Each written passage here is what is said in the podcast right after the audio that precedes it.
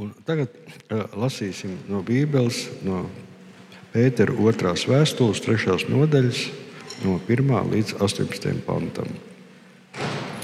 Mīļie, šī jau ir otrā vēstule, ko es jums rakstu. Tanīs es cenšos ar atgādinājumiem uzturēt modri jūsu prāta skaidrību, lai jūs atcerētos svēto praviešu jau sen teiktos vārdus, kā arī mūsu kunga un pestītāja baušļi, ko no saviem apstuļiem esat mācījušies. Pa priekšu ievērojiet to, ka pēdējās dienās nāks nikni smējēji, kuri dzīvos savā pašu kārībās un sacīs, kur paliek viņa apsolītā atnākšana. No tā laika sākot, kad tēvi iegāja mierā, viss paliek tā, kā bija no radīšanas sākuma. Tiem, kas to apgalvo, paliek apslēpts, ka vecos laikos debesis un zeme ir cēlušās Dieva vārdā, vārda spēkā, no ūdens un ar ūdeni. Tāpēc arī otrreizējā pasaule gāja bojā ūdens plūdos. Bet tagadējās debesis un tagadējā, tagadējo zemi glabā un uztur tas pats vārds ugunī un bezdevīgo cilvēku tiesas un pazušanas dienai. Bet to vien turiet vērā, mīļie, ka viena diena tam kungam ir kā tūkstoši gadi, un tūkstoši gadi kā viena diena. Tas kungs nevilcina savu apsolījumu, kā dažiem tas šķiet, bet ir pacietīgs ar jums, negribēdams, ka kādi pazustu, bet ka visi nāktu pie atgriešanās. Bet tā kunga diena nāks kā zaglis. Tanī debesis ar lielu troksni zudīs, un pasaules pamati degdam izjūgs, un zeme un viss, kas uz tās radīts. Kad nu viss tas tā iznīks, Cik stipriem tad jābūt svētā dzīvē un dievbijībā, gaidot un pasteidzinot dieva dienas atnākšanu, kuras dēļ debesis ugunī sadegs un pasaules pamati karstumā izkusīs. Bet mēs gaidām pēc viņa apsolījuma jauna, jaunas debesis un jaunu zemi, kur taisnība mājo. Tādēļ, mīļie, to gaidīdam, centieties, ka viņš jūs atrod ar mieru sirdī, neaptraipītus un nevainojumus un uzskatiet mūsu kunga pacietību kā glābšanai dotu. Kā jau arī mūsu mīļais brālis Pāvils jums ir rakstījis pēc viņam dotās gudrības. Tā viņš visās vēstulēs runā par šīm lietām. Tanīs ir dažs, kas grūti saprotams, ko nemācītie un nenostiprinātie ļaudis sagroza, tāpat kā arī citus rakstus sev par pazušanu. Tad nu jūs, mīļie, to jau zinādami, sargieties, ka nezaudējat savu stipro pamatu maldu līdz aizrauti. Bet audziet mūsu Kunga un Pestītāja Jēzus Kristus žēlastībā un atziņā. Viņam lai ir gods tagad un līdz mūžības dienai. Āmen! Lūksim Dievu! Dargais debesu Tēvs, Kungs, es pateicos, un līdz ar to mēs arī visi pateicamies par šo dienu, par Tavu vārdu. Paldies, Kungs! Un Tu liec mums domāt par to, ka viss šeit, šis redzamais zudīs un būs jaunas debesis un jauna zeme, kungs. Ieliec mums šo mūžību sirdīs, esi klātesošs mācītājiem, kad viņš runās. Svetīgi katru, kas ir pielicis roku šim dievkalpojumam. Nāc, kungs, Jēzu. To mēs lūdzam tavā vārdā. Āmen!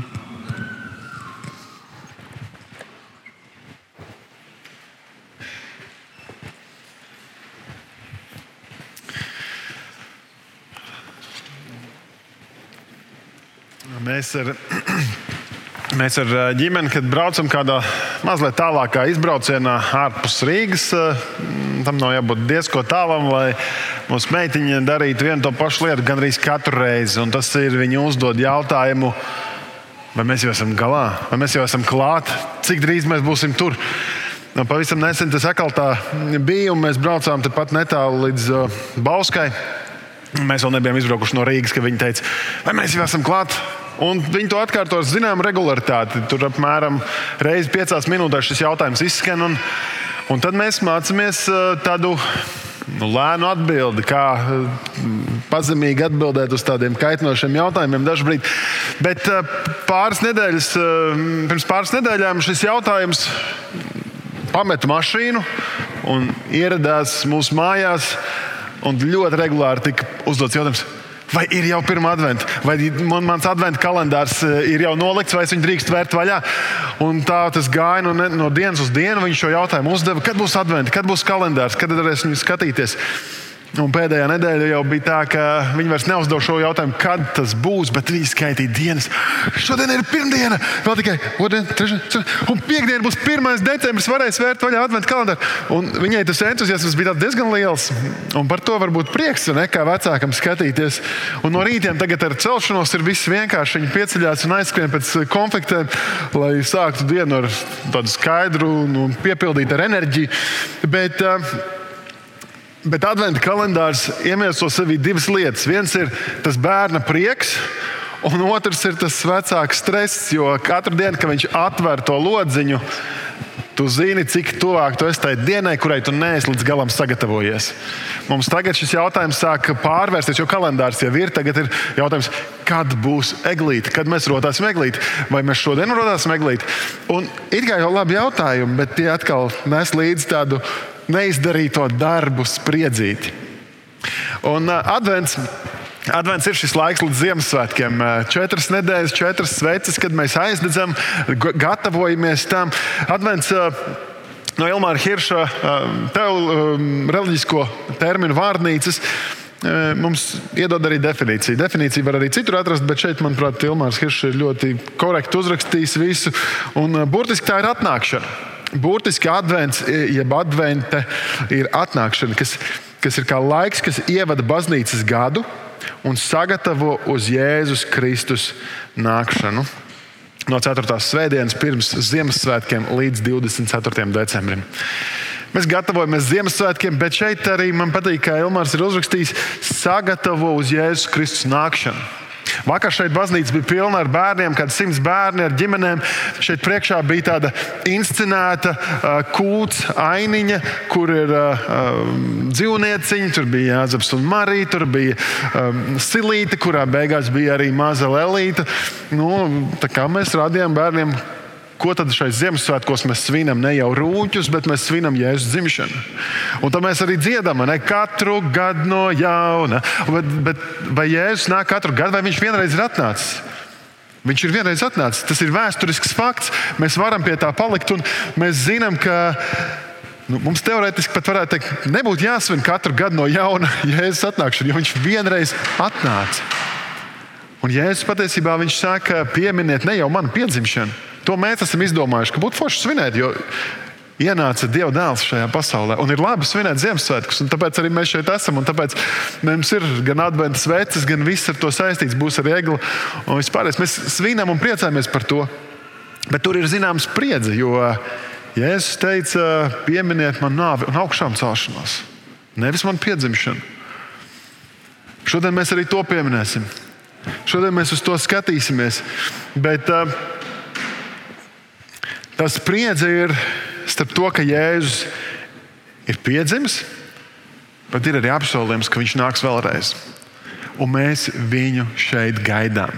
Šajā nedē, šajās nedēļās, eh, trīs adventas svētdienās, jo 4. adventa ir 24. Eh, decembrī, tad mums būs rīta tāds lūkšanas svētbrīdis no paša rīta, bet pēc tam mēs uzreiz metīsimies iekšā šajos 24. decembra dievkalpojumos. Bet eh, šajās, nākam, šajās trīs adventa svētdienās es un kopā arī nākamnedēļ ar Ilmāru Hiršu mēs gribam domāt, kā būt gataviem, kā sagaidīt šo Kristus nākšanu, kā sagaidīt ķēniņu savā dzīvē. Savā ģimenē, es domāju, Ziemassvētki ir fantastisks laiks, lai par to runātu un domātu, kā mēs viņu uzņemam savā ģimenē. Bet pār visam es domāju arī par to Kristus otro atnākšanu. Apostoliņu darbu grāmatā, pirmajā nodaļā, Eh, kur Jēzus vēl ir ar saviem mācekļiem, un viņš tiek paņemts debesīs. Viņš, viņš tiek paņemts debesīs. Toreiz nebija zvaigznes, tā kā mums šeit, bet visdrīzāk tas bija dienas laikā. Bet uh, mēs varam lasīt, ka viņam tas ir Jēzum aizejot. Mācekļi cieši lūkojās debesīs un redzi, Divi vīri baltās drānās pie tiem nostājās un sacīja: Galilejieši, ko stāvat, skatīdamies debesīs? Šis Jēzus, kas uzņems debesīs, prom no jums, tāpat nāks, kā jūs redzējāt viņu debesīs aiziet. Reizēm, kad mēs domājam par Jēzus dzīvi, mēs, eh, un arī par viņa atnākšanu, mēs stāvam un skatāmies debesīs, un mēs domājam, ko tad uh, tu gribi darīt manā dzīvē, vai, vai kā man ir jārīkojas. Bet eņģeļi saka, ko jūs tur stāvat? Viņš atnāks, viņš atgriezīsies, bet jums ir jādzīvo tālāk. Jums ir jādzīvo viņa godam, jums ir jāizpild tas, ko viņš ir mācījis, tas, ko viņš ir teicis. Un tur, kur ir uh, Jēzus dzīve, tur pie, notiku, pie nozīmīgiem notikumiem ir arī eņģelis. Pirmkārt, uh, eņģelis nāca pie Marijas un teica, tev piedzims bērns. Ne, bet viņš varbūt neteica Dona balsī, viņš teica Gabriela balsī. Katrā ziņā viņš eh, viņai pateica pravietiski, tev piedzims bērns. Viņš sagatavoja to, ka Marija kaut kas tavā dzīvē dramatiski izmainīsies. Tad, kad Jēzus piedzima, eņģelis parādījās, eņģeļi parādījās ganiem un teica, jums pestītājs ir piedzimis. Un tad viņi iet un viņi sastopas Jēzu un pielūdz viņu. Tad, kad Jēzus augšām cēlās, tad sievām eņģelis teica, ko jūs šeit meklējat? Viņš ir augšām cēlies, viņš šeit nav. Un šajā brīdī eņģelis mācekļiem saka, ko jūs skatāties debesīs? Viņš atgriezīsies. Viņš nāks otrreiz. Un atklāsmes grāmatā, kurai bieži vien mēs nemaz liekas, neķersimies klāt, jo es nezinu, vai es gribu kaut ko tur saprast, vai, vai tā ir par sarežģītu. Bet Tur atklāsmes grāmatā Dievs saka, es esmu alfa un omega. Tas nozīmē, grieķu alfabētā pirmais un pēdējais burts, sākums un gals. Saka Dievs, kungs, kas ir, bija un nāk visu valdītājs. Tad Dievs skaidri gaiši pasakā, kas bija, ir un kas nāk. Mēs varam reizēm mums patīk skatīties Bībelē, kā kristiešiem, visus šos vēsturiskos notikumus un skatīties un mēģināt saprast, kā Dievs ir darbojies. Un, un proporcionāli tā ir liela daļa no Bībeles. Bet mums ir arī beigu daļa. Mums ir šī atklāsme, kurai mēs nevaram lekt pāri. Un tie ir Jēzus Kristus izteikti vārdi caur dievišķu atklāsmi, kas mūs skar. Jēzus arī saka, es esmu ar jums līdz pasaules galam. Tad viņš arī ir šodien. Viņš saka, es esmu ar jums līdz pasaules galam, bet viņš nāks. Šodien mēs baudīsim vakarēdienu. Jēzus saviem mācekļiem teica, lauziet maizi, baudiet vīnu no, no biķera. Un, šeit, Pieminiet man, pieminiet man nāvi, man augšām celšanos. Pāvils uh, rakstot vēstuli Korintas draudzē, viņš saka, cik ērti jūs no šīs maizes ēdat un no šī biķera dzerat. Jūs pasludināt kunga nāvi, tiekams viņš nāk. Līdz viņš nāk, tikmēr mums tas ir jādara. Reizēm es esmu pastarpināti dzirdējis, kādas netiešā veidā saka, nu jā, visa Bībele, īpaši jaunā darība, uz mani attiecas. Atklāsmes grāmata Nu, es nezinu.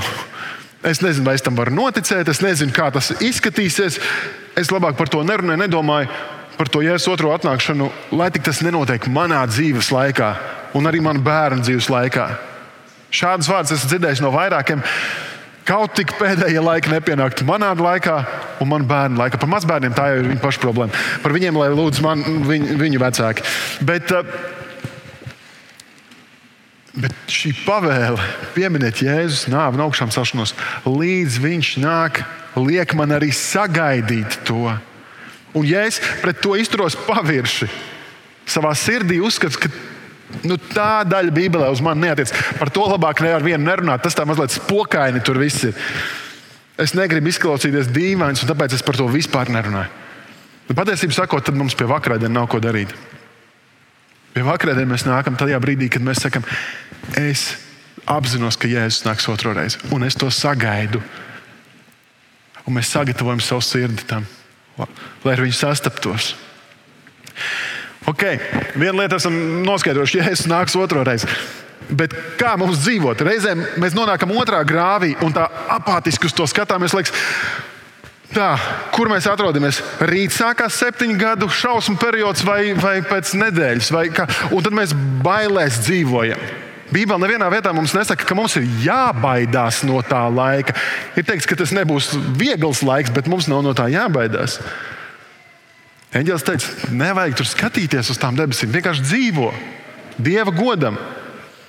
Un mēs šodien lasījām arī otro Pētera vēstuli, šo noslēguma daļu visai vēstulē, ko Pēters kā Jeruzalemes draugs vadītājs raksta. Un, un Bībele mūs sagatavo šiem laikiem, kuros mēs dzīvojam. Mēs nezinām, vai šogad, vai nākamgad, vai pēc 2000 gadiem tas notiks. Bet viena lieta mēs varam Bībelē ieraudzīt. Ka Bībele mūs gatavo laikam tādam, kāds ir šis. Un izaicina mūs dzīvot Dieva godam arī šādā laikā, kā šis. Nevis slēpties no sabiedrības vai slēpties no savas ticības. Pēters raksta, 3. un 4. pantā. Viņš saka, vispirms saprotiet to, ka pēdējās dienās nāks tādi, kas dzīvo savā iekārēs un ņirdzīgi ņirgādamies, teiks, kur paliek apsolījums par viņa atnākšanu. Es domāju, ka gan arī katrs kristietis, cits biežāk, cits retāk, bet ir dzirdējis šo jautājumu, kur tad ir tavs Jēzus, kam tu tici? Vai tu neredzi, kas notiek Ukrajinā? Vai tu nedzirdi, kas notika Izrēlā? Kur tad ir? Kāpēc viņš neiejaucās? Kāpēc notiek šausmas, kāpēc notiek uh, bēdas? Kur viņš ir? Ja jau viņš būtu nācis, viņam būtu jau par šiem 2000 gadiem jāatnāk. Visi pirmie mācekļi taču gaidīja viņu savas dzīves laikā. Un Pēters tieši tam mūs gatavo. Viņš saka, nāks pēdējās dienās šie, kas ņirgājās. Un saka, kur tad viņš ir? Nē, es pārsteigts par to. Un tas, ka Jēzus, ne Jēzus Pēters, viņš arī saka šeit, mazliet tālāk, 11. un 12. pāntā. Ja reiz viss tā ies bojā, tad, tad runa par pēdējām dienām. Ja viss tā ies bojā, kādām gan jums vajadzētu būt svētā dzīvošanā un dievbijā, gaidot un steidzinot dieva dienas atnākšanu, kad debesis ugunīs izjūgs un pasaules elementu ugunskvēlē izkusīs. Tad, tad tas, ko man ir jādomā, nevis jāklausās tajās balsīs, kuras apsūdz mani par manu ticību un par to, ko Dieva vārds saka, bet man ir jāpārbauda savs sirds. Man ir jānoskaņo savs sirds šajā gaidīšanas posmā. Pēters saka, kādiem gan jums vajadzētu būt? Svētā dzīvošanā, vai es augstu pēc svē, svētdzīves, vai tas vispār ir kaut kāds vārds un termins manā dzīvē, es do, par ko es domāju, vai es meklēju svētumu savā dzīvē, vai man liekas, ai, nu, kamēr, kamēr tas nav baigi nekas liels, tikmēr viss ir kārtībā. Mēs jau visi esam grēcinieki, viss ir kārtībā. Vai manī ir šī dievbijība, par ko Dieva vārds runā, par ko Pēters runā?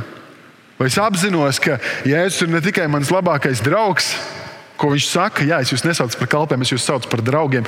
Viņš ir ne tikai mans, uh, mans ceļš pie debesu tēva, ja, kur viņš saka, es jums došu garu, kas sauc uh, abu tēti, bet viņš ir arī kungs, kurš tiesās dzīvos un miršos. Un vai man ir šī bijība viņa priekšā?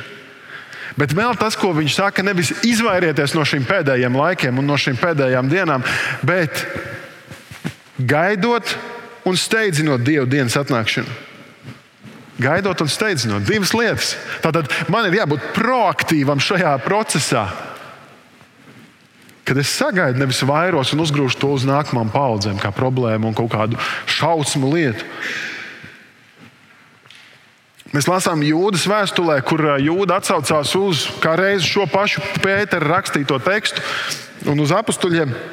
Viņš saka, šādi: Viņi, tas ir apstuļi, mēdz jums teikt, pēdējā laikā būs zaimotāji, smējēji, kas dzīvos pēc savām bezdīvīgām iegribām. Viņi, tie, kas rada šķelšanos, mīsīgi cilvēki, kuriem nav gara. Un tad tālākā daļa attiecas uz mums. Bet jūs, mīļotie, uzceliet sevi kā nāmu savas ticības svētumā. Tad, tad uzcēl sevi kā namu, rūpējies par to, kā tu būvē savu dzīvi. Arī šajā laikā, līdz Ziemassvētkiem, kā tu gatavojies, kā tu būvē, kā tu iekārto savu nāmu priekš šiem svētkiem, ka Jēzus, Jēzus piedzimšanas svinam. Bet pamatā, kā es būvēju savu dzīvi, vai es esmu gatavs tam, ka kādu dienu, un es nezinu, kad Jēzus nāks. ticības svētumā. Un svētajā garā lūgdamies, tad vai es vispār pavadu laiku lūgšanā, vai tā ir vēl viena lieta, par ko es mūždienā aizmirstu. Mūždien tā ir vismaz svarīgākā lieta, ko manā dien, dienā vai nedēļas kalendārā. Nedēļā tikai tad, kad mēs baznīcā sanākam, tad, kad uh, mācīties, saka, saliksim rociņas, aizvērsim aciņas bērni, tad atceros, ka tas arī uz Dieva bērniem attiecas. Nē, Dievs mums saka, lai mēs uh, svētā garā lūdzamies ka, mēs, ka tā ir daļa no tā, kā es gatavoju sevi dzīvē. Tas ir veids, kā es izēju cauri savai dzīves grūtībām un savai ikdienai, ne tikai grūtībām. Saglabājiet sevi Dieva mīlestībā. Akal. Vai es esmu šeit tikai, vai es esmu pirmkārt pats piedzīvojis to Dieva mīlestību, kas apklāja grēkus, kas, kas dod dzīvību, kas izmaina dzīvi? Bet vai es to saglabāju sevī? Un, ja tā ir manī, tad tai ir jāiet uz ārā. Tā ir jāparādās attiecībās ar līdzcilvēkiem.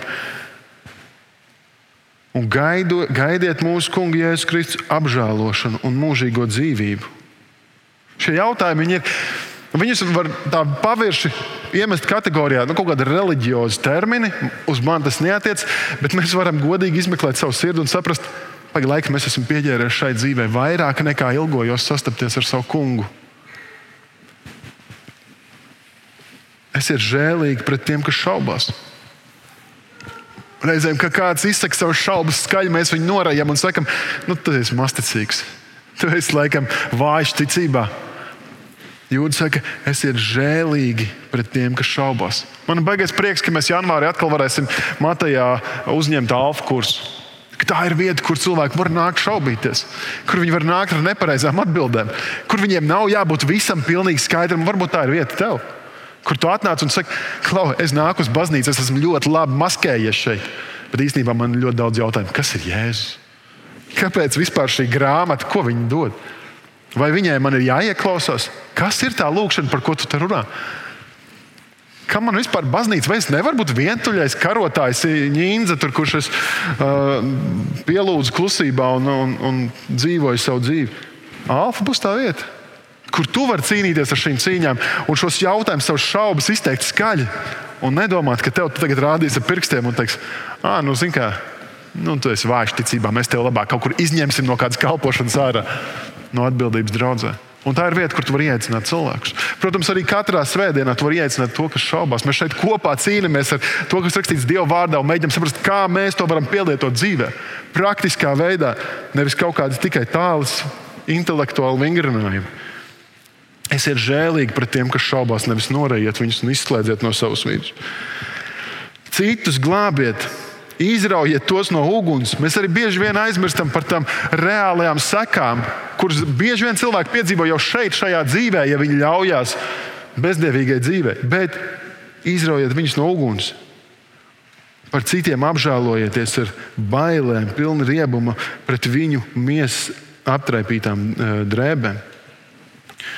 Jautājums ir, vai es vienkārši iesmaidu un iesmēju par kaut kādām lietām, vai es patiešām ar bailēm rūpēs par otru cilvēku. Mēs reizēm varam, un es pamatā runāju par sevi. Es nezinu, ja uz vēl kādu tas attiecās, tas ir super. Reizēm mēs to baznīcu varam uztaisīt tādu vietu, kur es jūtos labi. Te ir mani domu biedri, te ir kādi, kas pateiks, super, tev labi viss dzīvē sanāk. Bet vai mana sirds ir uz sevi vērsta? Vai tāpēc, ka viņi ir vērsti uz Kristu, es skatos uz cilvēkiem, kas ir pazuduši, kuriem vajag to mīlestību, kuriem vajag to, ka kāds viņu, par viņu cīnās, un viņu vēl kā ārā no tās pazušanas un no tām sāpēm. Tādēļ, mīļotie, to visu gaidīdami, atkal gaidīdami, nevis izvairoties no tās idejas vispār par to, ka būs kādu dienu jāstājās Dievu priekšā un ka kādu dienu būs norēķins jādod un ka kādu dienu Jēzus nāks. To visu gaidīdami, pūlieties, jāpieliek pūles. Tas nav tā, ka pats no sevis viss notiks. Pūlieties, lai Dievs jūs atrod neaptraipītus, bezvainīgus un mierpilnus. Lai Dievs jūs atrod neaptraipītus, bezvainīgus un mierpilnus. Ziniet, mēs varam saņemties kaut kur līdz kaut kādam līmenim. Es saņemšos un sākšu sportot. Man vajadzētu. Es saņemšos un ēdīšu veselīgāk. Nu, vismaz no saldinātiem dzērieniem atteikšos. Nezinu, vai gudra ir apņemšanās pirms Ziemassvētkiem, bet vajadzētu. Es varu saņemties kaut ko darīt labāk, bet, ja es paskatos godīgi spogulī, tad ko es tur redzu? Es redzu džeku, kurš nevalda par savu mēli, kuram bieži vien sanāk pateikt lietas, kuras tu jau brīdī, kad tu izsaki, saproti, šito nevajadzēja pateikt. To vajadzēja nogriezt kaut kur jau prāta līmenī. Un Bībeli saka, ja tu nevaldi par savu mēli, tu esi grēcinieks. Es, es redzu spogulī džeku, kurš domās kaut kur aizklīst, kur nevajag. Kuram ir jākontrolē, ko viņš skatās un kur viņš skatās. Un es saprotu, pagaidi, pagaidi. Pag. Ja Bībele saka, neaptraipīts, tad kāds es esmu? Ja neaptraipīts, es nevaru vienkārši saņemties, būt neaptraipīts, ja jau man nošlikstītās mašīnas. Tad man vajag atkal nomainīt tās drēbes. Un tas ir tas, ko mēs darīsim šeit, baudot vakarēdienu, baudot Kristus nopelnu, kur Viņš deva savu dzīvību par tevi un par mani. Viņš izlaiž savas asins, lai man nebūtu jāizlaiž savējās. Viņš nomazgā mani, lai, lai vienkārši varētu būt glābts. Es nevaru saņemties, būt tīrāks. Es varu tikai tikt nomazgāts. Un tikai tā es varu tikt. Būt tāds, ka Jēzus man sastopas neaptraipītu. Tas nozīmē, reizēm, ka mēs domājam par pēdējiem laikiem, mēs varam sākt skaitļot, kad tas notiks. Bet tas bieži vien ir tāpēc, ka man gribas kaut kādu aprēķinu, cik es varu tālu tā no tā jēzus turēties, lai es pēdējā brīdī pieskrietu klāt. Es nezinu. Jēzus saka, ka neviens to nezina. Tēvs nevienam nav pateicis, pat Jēzus saka, es to nezinu. Kur nu vēl kāds cilvēks? Viņš saka, jā, vērojiet zīmes, skatieties, kas notiek sabiedrībā, skatieties uz visu, kas notiek. Bet neviens nezina to brīdi. Bet viena lieta, ko es zinu, ja es turēšos blakus Jēzum, ja es stāvēšu viņa žēlastībā, ja es pieņemšu viņa upuri nāvi, izlietās asins par sevi, tad es vienmēr būšu drošībā. Es vienmēr būšu drošībā. Un tad Dievs man var sastapt neaptraipītu un bezvainīgu. Un Viņa izlietās asins, tas nav lēts. Tas nenozīmē, ka es tagad šodien baudīšu vakarā, dienā esmu mazgāts, varu atkal nedēļu grēkot. Īstenībā mēnesis, jo mēs jau tikai reizi mēnesī baudām, būs jau kārtībā. Jā, ja es samaksā. Bet tās nav lēti izlietas asins, lai es varētu tā brīvi pret to attiekties.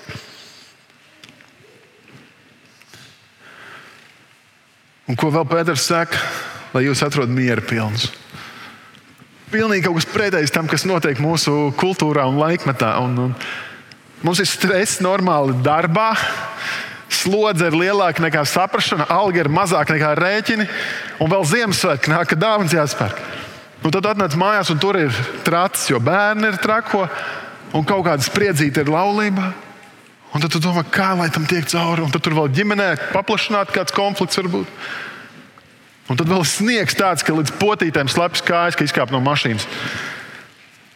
Un tu esi uzvilcies, un tev ir panikas lēkmes, un tu nezini, kā tikt galā. Un liekas, pagaidi, ja Jēzus saka, sastopiet man, ka es gribu tevi sastapt mieru pilnu, tad tas, kas ir manī, tas nav tas, ko viņš saka. Bet Jēzus arī saka, es jums dodu savu mieru. Ne tādu, kā pasaule dod, ne tādu, kā Nārmstrong dod, bet tādu, ko Jēzus dod.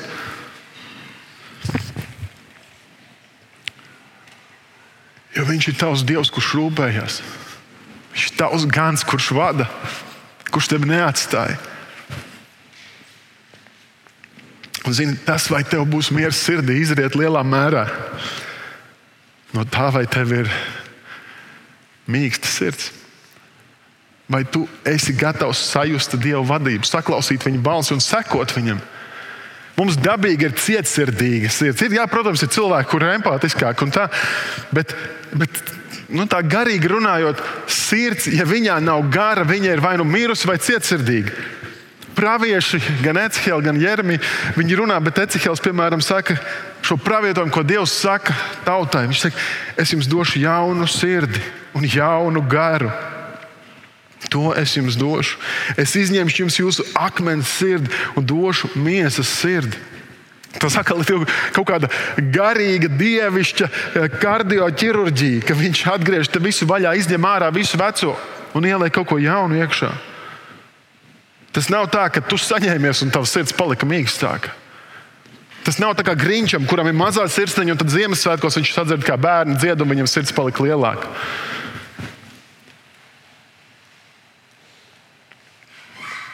Jānis Jēzus, viens no tuvākajiem mācekļiem, raksta 1. Jāņa vēstulē, 4. nodaļā, ka mīlestībā nav baiļu. Jo pilnīga mīlestība aizdzen bailes. Bailēs ir mokas, un bailīgais nav pilnīgs mīlestībā. Šajā laikā es zinu, ka arī mēs, kristieši, šad esam baiļu pilni. Mēs satraucamies par sevi, par savu veselību, par savām finansēm, par saviem bērniem, par rēķiniem, par Ziemassvētkiem, par to, ko citi padomās. Bet, ja tu zini, ka tev ir debesu tēvs, kurš tev mīl, kurš atdod visu, kas, ir, kas viņam ir, lai tikai viņa bērnam būtu labi, tev nav jābaidās. Tev ir drošība. Es zinu, ka Amerikāņiem viņiem tur ir tāda diskusija, drīkst ierocis būt vai nedrīkst būt ierocis, kā kurā štatā atkarīgs no tā, kāda partija ir pie varas. Un, un tad ir saka, ja man ir mans, mans ierocis, es esmu drošībā, jo ja visi atdos, visi labo atdos ieročus, ļaunie paturēs ieročus, mēs būsim lielās ziepēs. Tā drošība tiek likta uz ieroci, vai tev ir revolvers mājās vai nav. Bet mums ir Dievs, kurš sargā. Un pat ja mums būs jāmirst, mēs pagājušā nedēļā runājām, bet ja, ja miršu un ticēšu, ja es varēšu dzīvot. Un man vairs nebūs bail, man nebūs vairs jāatcerās. Un, protams, ka bailes ir kaut kur dabisks instruments, lai mēs sevi pasargātu, lai mēs nebūtu pilnīgi kaut kādi trāki, kas skrien zem vilciena. Un tu sakam, Jēzus pasargā mani, tad, tad tā ir plānprātība, nevis garīgums. Bet tev ir dota cerība Jēzum. Un viņš piedzima pirms 2000, pirms 2000 gadiem.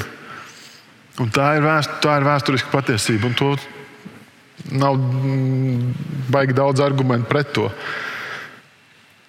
Bet, ja mēs izturamies nopietni pret savu ticību, mēs nevaram izlikties, ka tā patiesības daļa, ka viņš nāk otrais, būtu mazāk svarīga. Vai tava lūkšana ir, kungs, Jēzus, es gribu tevi satikt? Es gribu, lai tu valdi, es gribu, lai tu nāktu. Es lasīju pirms brīža atklāsmes grāmatas pirmo nodaļu. Atklāsmes grāmatas pēdējā nodaļā nav paši, gan arī pēdējie vārdi arī tur ir ietverti. 22. nodaļa, 17. un 20. pāns. Gars un līgava. Tātad līgava ir draudzene. Saka, nāc. Jautājums, vai mēs kā draugi sakam, nāc, Jēzu. Mēs tevi gaidām. Mēs sakām, mēs sludinām Kristu krustā sisto. Mēs sludinām viņa nopelnu. Bet vai mēs sakām, Jēzus, nāc, mēs tevi gaidām? Un katrs, kas to dzird, lai saka, nāc, vai tā ir mans dzīves lūkšana un sauciens uz debesīm, nāc, kungs, jēs. Lai ņem, eh, kam, kam slāpst, lai nāk, lai ņem dzīvo ūdeni bez maksas, katrs, kas grib. Tas, kas sniedz šīs liecības, saka, jā, es nāku drīz. drīz. Āmen. Nāc, kungs, jēzu. Varbūt tu esi ar šīm slāpēm un tu meklē atbildes, un tev ir šaubas, bet tu meklē arī atbildes. Viņš saka, nāc pie manis. Ja es saku, nāc pie manis, man ir dzīvais ūdens, un tas nemaksā tev neko, jo es esmu visu samaksājis. Es esmu labs un es dodu bez maksas. Vai man lūkšana ir nācis, kungs, jēzus? Es aicinu, ka mēs varam piecelties un lūgt.